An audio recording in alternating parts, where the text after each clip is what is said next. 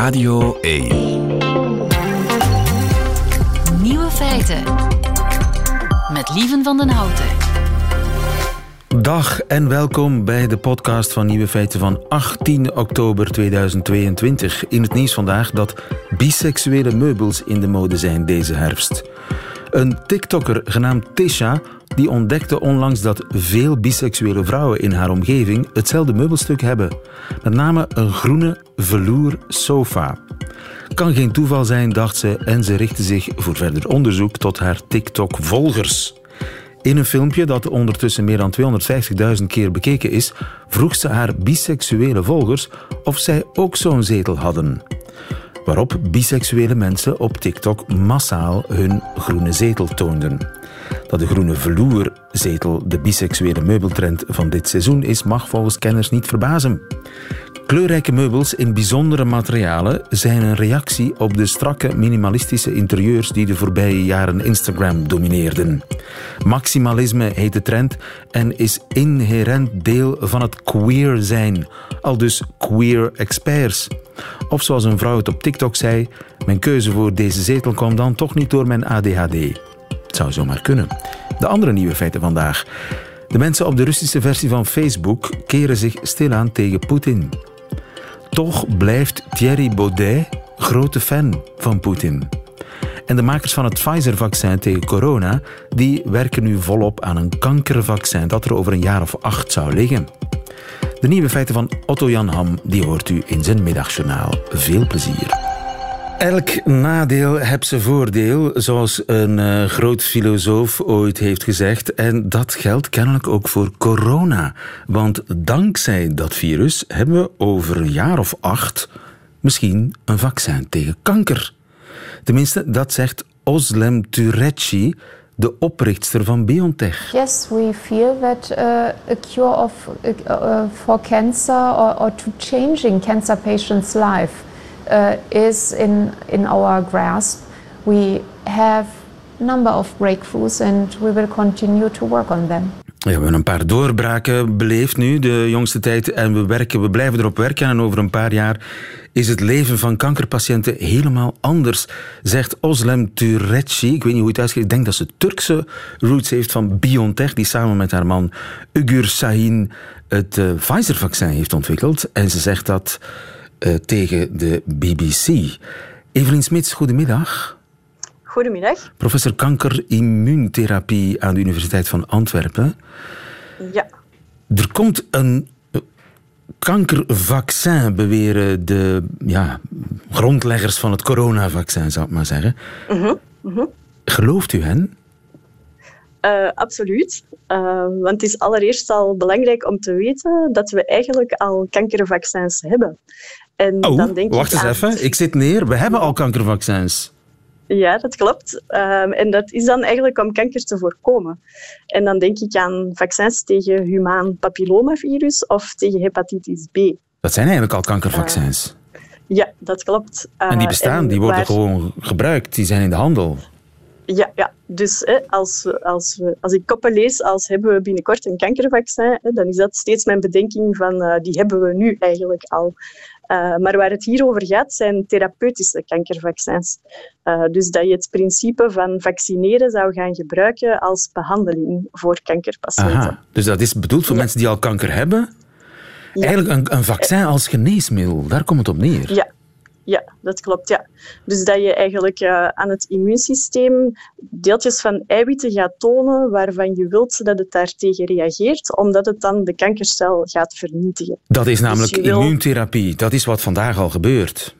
Ja, dus, dus een kankervaccin dat is een soort van immuuntherapie. Oké. Okay. En er zijn ook nog andere soorten, hè, maar dit is één soort immuuntherapie. Ja, maar dus die mensen van BioNTech, waren die al bezig met een kankervaccin voor ze overgeschakeld zijn op een coronavaccin?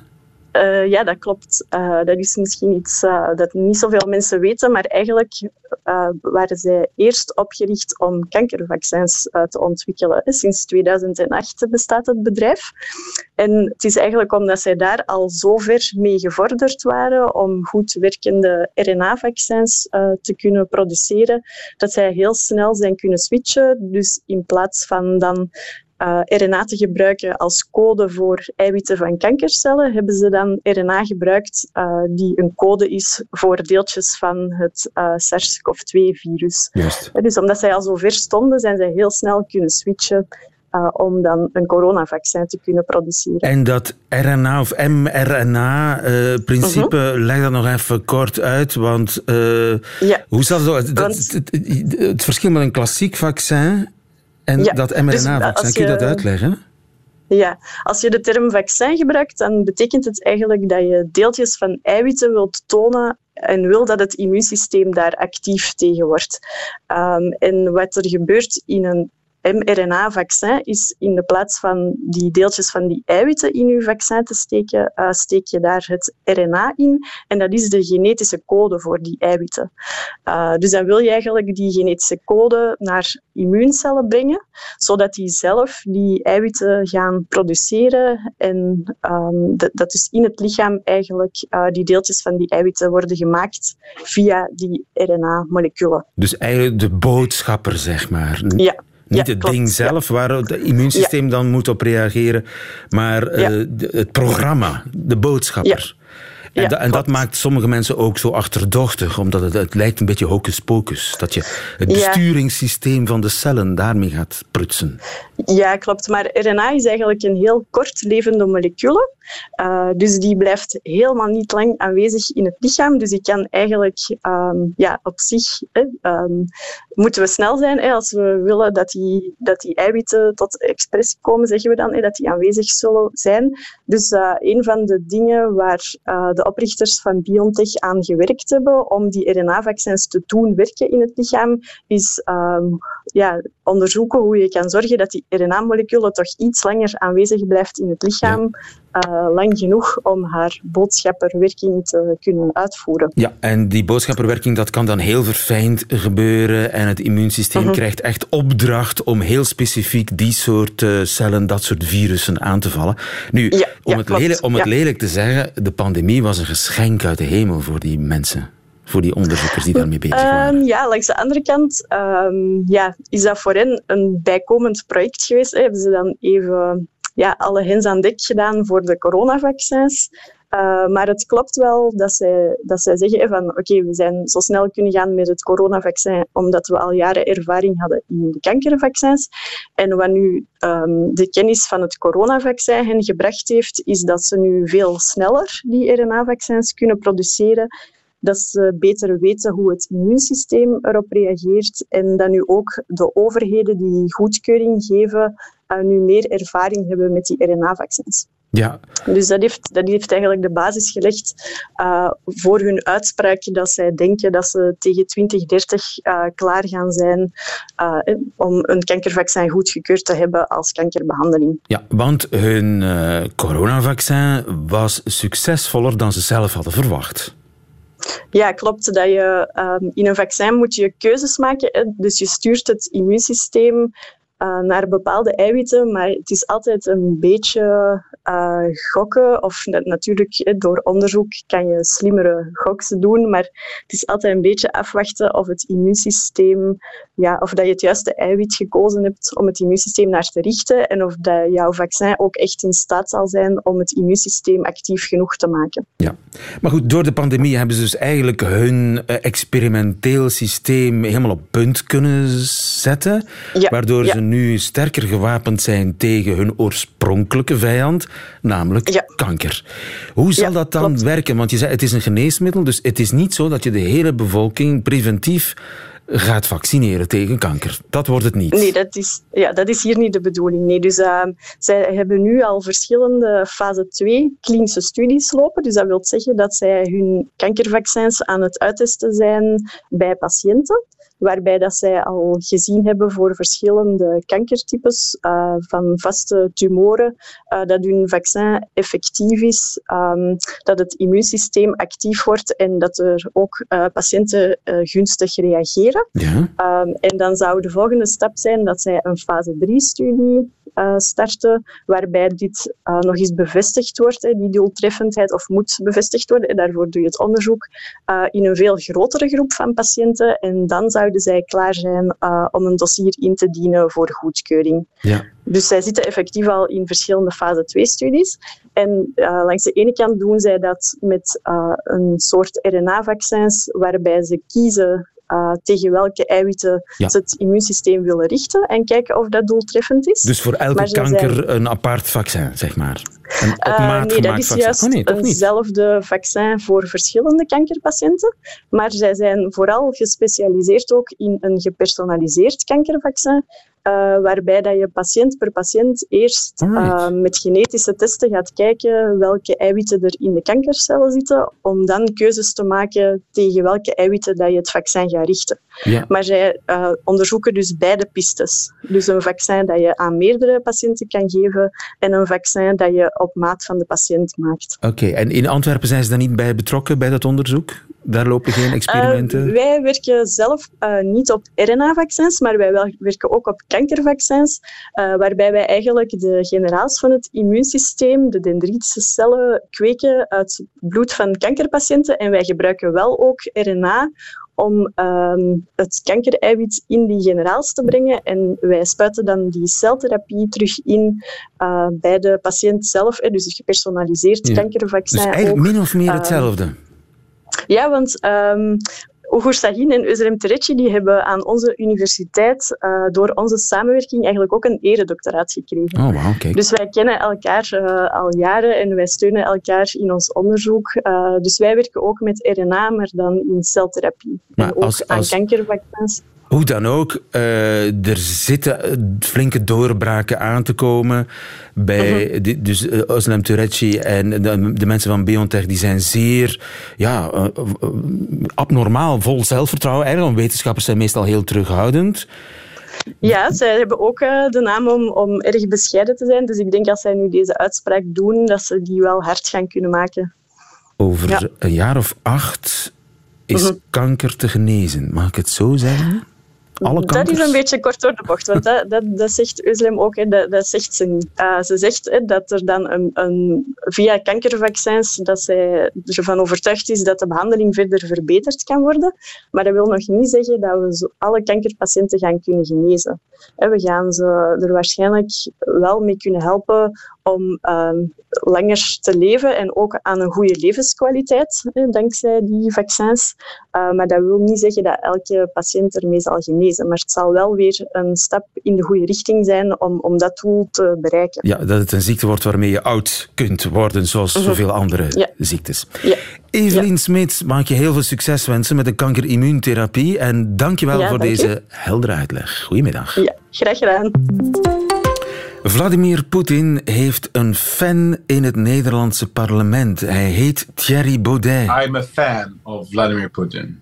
I think he is he is our he is the Dark Knight. He is the the hero we need. Hij is de held die we nodig hebben. Over eh, Vladimir Poetin vertelt Thierry Baudet dit. Thierry Baudet ooit in de running, nog niet zo heel lang geleden, als premier van Nederland. Thierry Baudet van Forum voor Democratie. Het eerste wat ik dacht was, is dit echt? Is dit geen deepfake?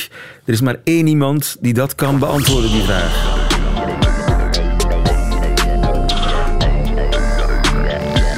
De nieuwe feitenchecker. Rien Emery, één goedemiddag. Goedemiddag. Die uitspraak van Thierry Baudet, is dat een deepfake interview? Hij heeft het, uh, hij heeft het echt gedaan. Het is een, een interview in een podcast met een, ja, een Amerikaans-Kroatische host. En die podcast heet Geopolitics and Empire. Geopolitics Uh, and Empire. Geopolitics and Empire, Wow. ja. En daar is Baudet uitgenodigd om te praten over ja, de internationale situatie. En daar heeft hij die uitspraak gedaan over dus, uh, Poetin als de Dark Knight. Ja, want hij legt ook uit waarom hij een fan is van uh, Poetin. So I'm a I'm def- I'm a conspiracy theorist. I believe that we are being governed by a global conspiracy of evil reptiles. My view is that the only global player who is opposing that is Vladimir Putin. Aha, dus Poetin is de enige globale speler, de enige man met echte wereldmacht die uh, de strijd aanbindt met de kwaadaardige reptielen. De samenzwering ja. van kwaadaardige reptielen die de wereld bestuurt. Ja. Rien, leg dat eens uit. Die, die reptielen, wat, wat, waar slaat dat op? Die kwaadaardige reptielen? Ja, dus de, vraag is hiervan, bedoelt en meent Baudet wat hij echt zegt? Gelooft hij echt dat er een samenzwering is van kwaadaardige, letterlijke reptielen? Want er zijn mensen die dat geloven. Er is een bepaalde, uh, ik denk dat er uit een enquête in de Verenigde Staten onlangs gebleken is dat ongeveer uh, eh, 2 tot 4 procent van de Amerikanen geloofden in de complottheorie, want dat is een van de tien meest bekende en vertrouwde complottheorieën, dat eigenlijk de globale elite volgens hen. Dus dat, dat dan de koningshuizen, de, de belangrijkste mensen in de Verenigde Naties, de presidenten en de grote politieke dynastieën, dat dat eigenlijk geen mensen zijn, maar dat die afstammen of ja, op een of andere manier bezeten zijn door een reptielachtig ras uit, het, uit de ruimte. Ik, dat klinkt heel gek, maar er zijn heel veel mensen die dat geloven. Alles in orde, dus één, ja, wel, ja, maar het, het, is, het is echt uh, een probleem, want er zijn mensen die dat echt geloven. Er zijn dus mensen die dat echt ehm, geloven. Maar uh, gelooft ja. Thierry Baudet dat? Wel, dat weet ik dus niet. Ik kan gewoon zeggen van natuurlijk, ja, ik, gebruik hier een metafoor. Eh, reptiel is uh, koudbloedig, uh, emotieloos, uh, dode starende ogen. maar het is natuurlijk een soort hondenfluitje naar die, naar die zeer ernstige complotdenkers. Het is eigenlijk een, een, een, een Brit, een David Icke, een voormalige voetballer en voormalige politicus voor de Green Party daar, die een soort spirituele um, awakening heeft gekregen, zo noemt hij het zelf, in de jaren tachtig. En dan is beginnen boeken schrijven over die elite, de Illuminati en allemaal andere samenzweringscomplotten die er zouden zijn boven onze hoofden.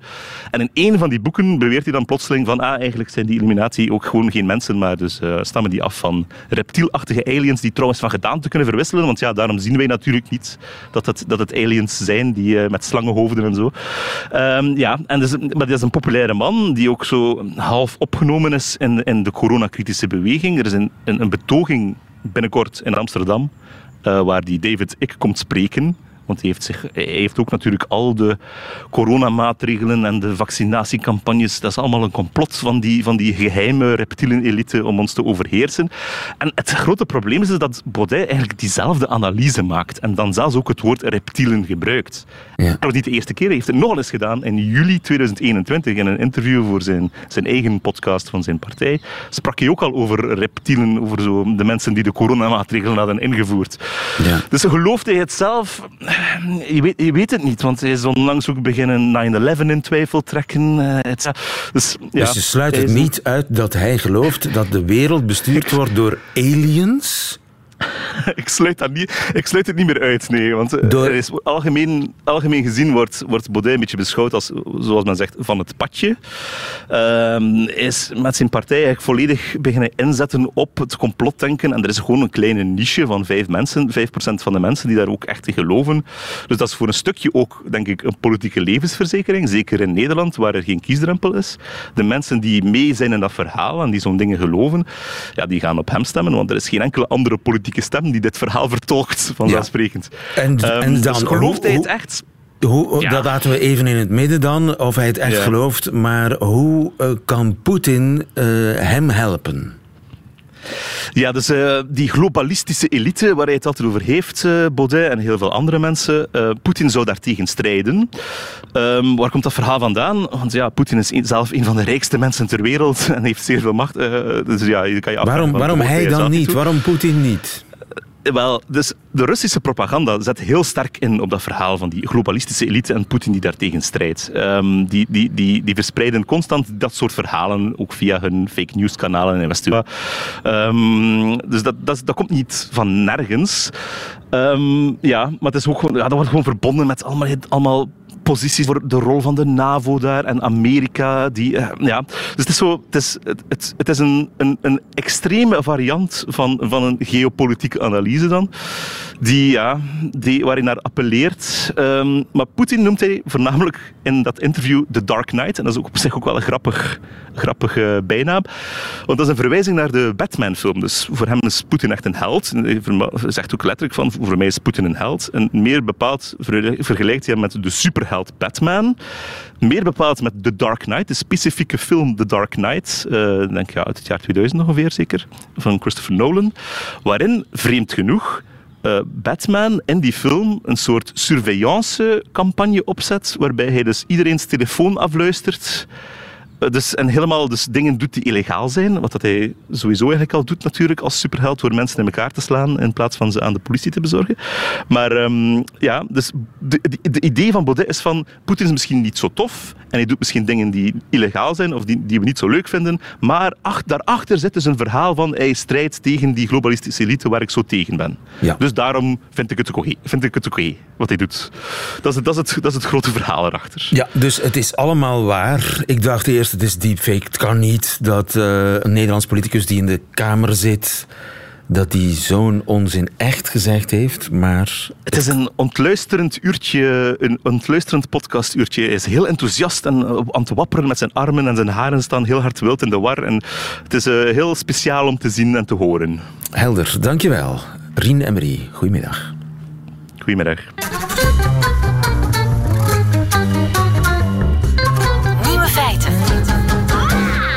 Wie gelooft Poetin nog in het Westen? Helemaal niemand meer. Maar hoe zit dat in Rusland zelf? Dat heeft Tom Wenning onderzocht. Goedemiddag, Tom. Goedemiddag. Je bent de Ruslandkenner van de Volkskrant in Nederland. Je eh, hebt ook jarenlang gewoond en gewerkt in Rusland, maar je mag het land niet meer in. Dat klopt. Hoe heb je dat eh, onderzoek aangepakt? Uh, ik heb samen met een collega gekeken naar het, het grootste sociale uh, medium van Rusland. Dat heet Vkontaktje. Um, in Touch, zou je, zo, zo zou Dat is een beetje de, de, Russische versie van Facebook, zeg maar. Ja, het, het, het lijkt ook enorm op Facebook. Uh, en het is het grootste platform in Rusland. Het heeft uh, 50 miljoen gebruikers per dag. Dus heel veel Russen zitten erop. En uh, samen met een collega hebben we sinds het begin van de oorlog gegevens verzameld over ja, waar hebben mensen het daar nou over? Hoe bespreken ze de oorlog? Um, welke termen gebruiken ze? Um, uh, wat zeggen ze over Poetin als ze het over de oorlog hebben? En dat hebben we dus uh, ja, ruim een half jaar bijgehouden. En, en dat kan van ja, hieruit kun je daarop? Ja, ja, mijn collega is heel handig met uh, IT. Dus hij ja. heeft een programmaatje geschreven waardoor hij al die gegevens uh, uit de V-contactje haalt. En ja, dan kun je ze analyseren. En hoeveel berichten hebben jullie zo gemiddeld bekeken? Zijn dat een paar tientallen of zijn dat echt tienduizenden? We hebben de 30.000 aangetroffen. Dat zijn dus 30.000 berichten die zijn gepost over de oorlog op, op grote stadsfora. Op V-Contactje heb je, heeft iedere stad eigenlijk een eigen pagina. En daar bespreken mensen het, lokale nieuws, maar, maar ook het internationale nieuws uh, en ook de oorlog. Ja, en zie je dat verschuiven, wat er allemaal verteld wordt over Poetin en over Oekraïne en over de oorlog? Ja, absoluut. De stemming is, uh, is echt omgeslagen in de afgelopen maanden. In het begin van de oorlog zag je dat er nog wel veel steun was voor Poetins speciale militaire operatie, zoals Poetin de oorlog noemt.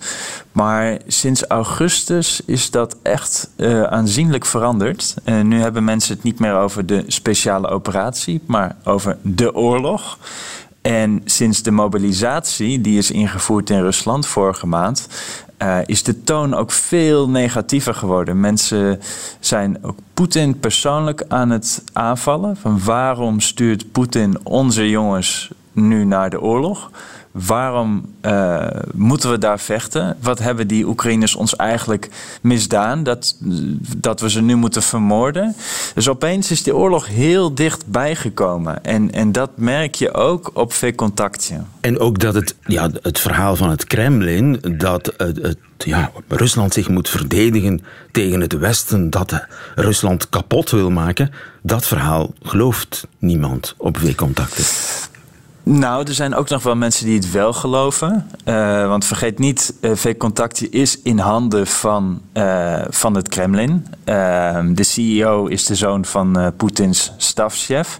Dus het is eigenlijk een platform waar traditioneel gesproken weinig critici van Poetin zich uiten. Want ja, dan word je, de gegevens worden direct doorgegeven aan de inlichtingendiensten en dan kun je in de problemen komen. Dus het is, het is eigenlijk een platform waar Poetin niet zoveel van te vrezen had. Maar nu zijn zelfs die mensen dus moeilijk te overtuigen van het, van het nut van de oorlog. Uh, er zijn nog steeds mensen die er wel achter staan, maar je ziet echt wel uh, verschuivingen. Er is echt meer directe kritiek op Poetin, meer kritiek op, uh, op de operatie. Ja, en Poetin wordt daar gewoon een leugenaar genoemd. Uh, en er wordt gezegd, ja, een man die zich niet aan zijn belofte houdt, ja, die, dat is geen echte man. Want ja, Poetin had beloofd dat er geen mobilisatie zou komen. Ja, die is er nu toch wel. En nu moeten 25 miljoen uh, mannen in Rusland kunnen ieder moment worden opgeroepen om te vechten in, in Oekraïne. Dus er is echt veel veranderd in de afgelopen weken. En is dat niet gevaarlijk om dat allemaal te zeggen? Poetin is een leugenaar, Poetin is geen man. Ja, ja, daar kun je wel mee in de problemen komen. Op papier kun je uh, een geldboete krijgen of zelfs de gevangenis ingaan tot 15 jaar als je kritiek hebt op uh, de oorlog. Want daarmee ondermijn je de Russische strijdkrachten. Zo staat in de Russische wet. Dus je kan in de problemen komen. En er zijn ook mensen veroordeeld. Er is een gemeenteraadslid al zeven jaar, heeft een, heeft een gevangenisstraf van zeven jaar gekregen. Alleen maar voor het bekritiseren van deze oorlog. En ja, het, het, is wel zo in Rusland dat er maar een paar mensen uit worden gehaald om, om de rest uh, bang te maken. Maar ja, veel mensen zijn kennelijk niet zo bang dat ze zich niet uh, uh, uitspreken over de oorlog. En heeft Poetin daar nu iets van te vrezen, van die stemmingswissel in Rusland, in de publieke opinie? Zodat er al is, zo'n publieke opinie? Ja, het, het, het, het is natuurlijk moeilijk om erachter te komen wat, wat de Russen nu denken over de oorlog. Want opiniepeilingen werken niet op dit moment. Die, kun je niet houden in een dictatuur. Uh, maar het is wel duidelijk dat Poetin zich zorgen maakt. Want hij heeft uh, deze week gezegd dat het einde van de mobilisatie in zicht is. Dat er over twee weken geen mannen meer worden opgeroepen. En dat duidt er wel op dat hij uh, de gemoederen probeert te bedaren. Want er zijn honderdduizenden mannen gevlucht uit Rusland. Uh, de onrust is, is ongekend, is nog nooit zo groot geweest sinds Poetins aantreden in 1999. Dus Poetin merkt dat nu ook en hij probeert nu mensen toch weer te kalmeren. Ja. En of dat zal lukken, dat is natuurlijk de grote vraag. Dat is altijd de vraag in Rusland. Ja, en of die publieke opinie invloed zal hebben op de rest van zijn carrière. Ik bedoel, eh, in, in een normale democratie is het natuurlijk belangrijk wat de mensen vinden voor de machtsbasis. In Rusland ligt dat ietsje anders, hè? Nou, zelfs Poetin vindt dat wel belangrijk. Dat de Russische bevolking achter hem staat, dat gebruikt hij ook telkens. Het is niet voor niets dat Rusland nog steeds verkiezingen houdt. Ook al wordt die, worden die natuurlijk vervalst. Um, hij vindt het heel belangrijk om uit te stralen dat de bevolking achter hem staat. Um, en hij denkt dat misschien ook, uh, ook echt wel. Um, dus ja, hij zal zeker wel, uh, wel, wel bezorgd zijn als hij hoort dat, uh, dat de Russen steeds minder uh, zien in deze oorlog. Ja, dus ja. dat is wel degelijk een factor van belang. Tom Venning, dankjewel voor deze toelichting. Goedemiddag. Goedemiddag. Ziezo, dat waren ze, de nieuwe feiten van vandaag, 18 oktober 2022. Alleen nog die van Otto Jan Ham, die krijgt u nu in zijn middagjournaal. Nieuwe feiten. Middagjournaal. Hallo. Wij hebben sinds een week cavia's. Twee stuks. Ze heten Frits en Froe Froe. Over die namen had ik nu eens echt niets te zeggen. Hoe komen wij aan twee cavia's? Wel, vorig jaar heb ik voor het tv-programma De Tijd van Ons Leven op officieuze wijze meegedaan aan het WK tijdrijden. De bedoeling was dat ik niet laatste zou eindigen. Omdat mijn kinderen nu niet bepaald meeleefden in die dagen, had ik hen beloofd dat ze een cavia zouden krijgen mocht ik erin slagen. Het was een impulsieve braakbal, even ondoordacht als onrealistisch. Maar er was een cameraploeg bij en dus, dat weten mijn kinderen ook wel, was de belofte juridisch bindend. Enkele maanden later werd ik voorlaatste op het WK tijdrijden. Ik heb de komst van die beesten zo lang mogelijk proberen uit te stellen, want ik weet, knaagdieren in huis, dat is miserie. Vroeger hadden we bij ons thuis een konijn en een cavia, Dippy en Zwartje. Dippy was het konijn. Dippy liep soms vrij door de huiskamer en had als hobby knagen aan de elektrische kabels. Dippy knabbelde de beschermende isolatielaag van verlengsnoeren, zodat de stroomdraden bloot kwamen te liggen. Dat was op zich niet zo erg. Je mocht alleen nooit aan die kabels komen, want dan kreeg je prompt 230 volt door je lijf heen. En in die dagen had nog niet elke woning standaard een aardlekschakelaar die beschermde tegen elektrocutie. Dus je hing er letterlijk aan voor de moeite.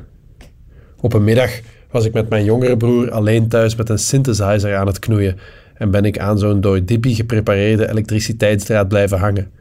Mijn broertje heeft toen de kabel uit mijn hand geslagen. Volgens onze buurvrouw, die op mijn hysterische huilen was afgekomen, had ik wel dood kunnen zijn. En ze kon het weten, want ze werkte in een apotheek.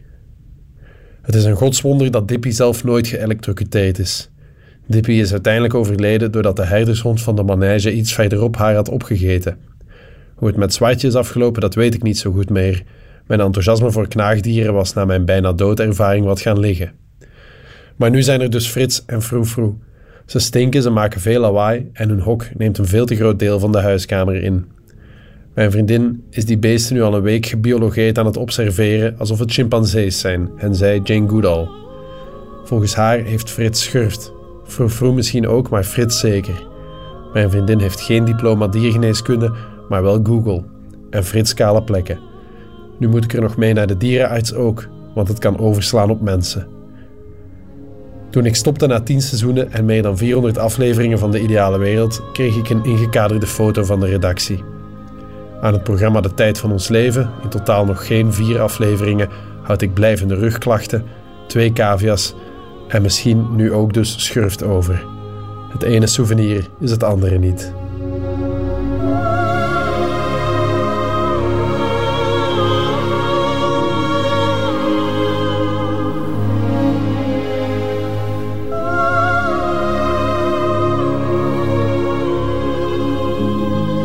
Middagjournaal met Otto-Jan Ham. Einde van deze podcast. Hoort u liever de volledige nieuwe feiten met de muziek erbij? Dat kan natuurlijk via radio1.be of de Radio 1 app on demand. En live op Radio 1 elke werkdag tussen 12 en 1. Tot een volgende keer.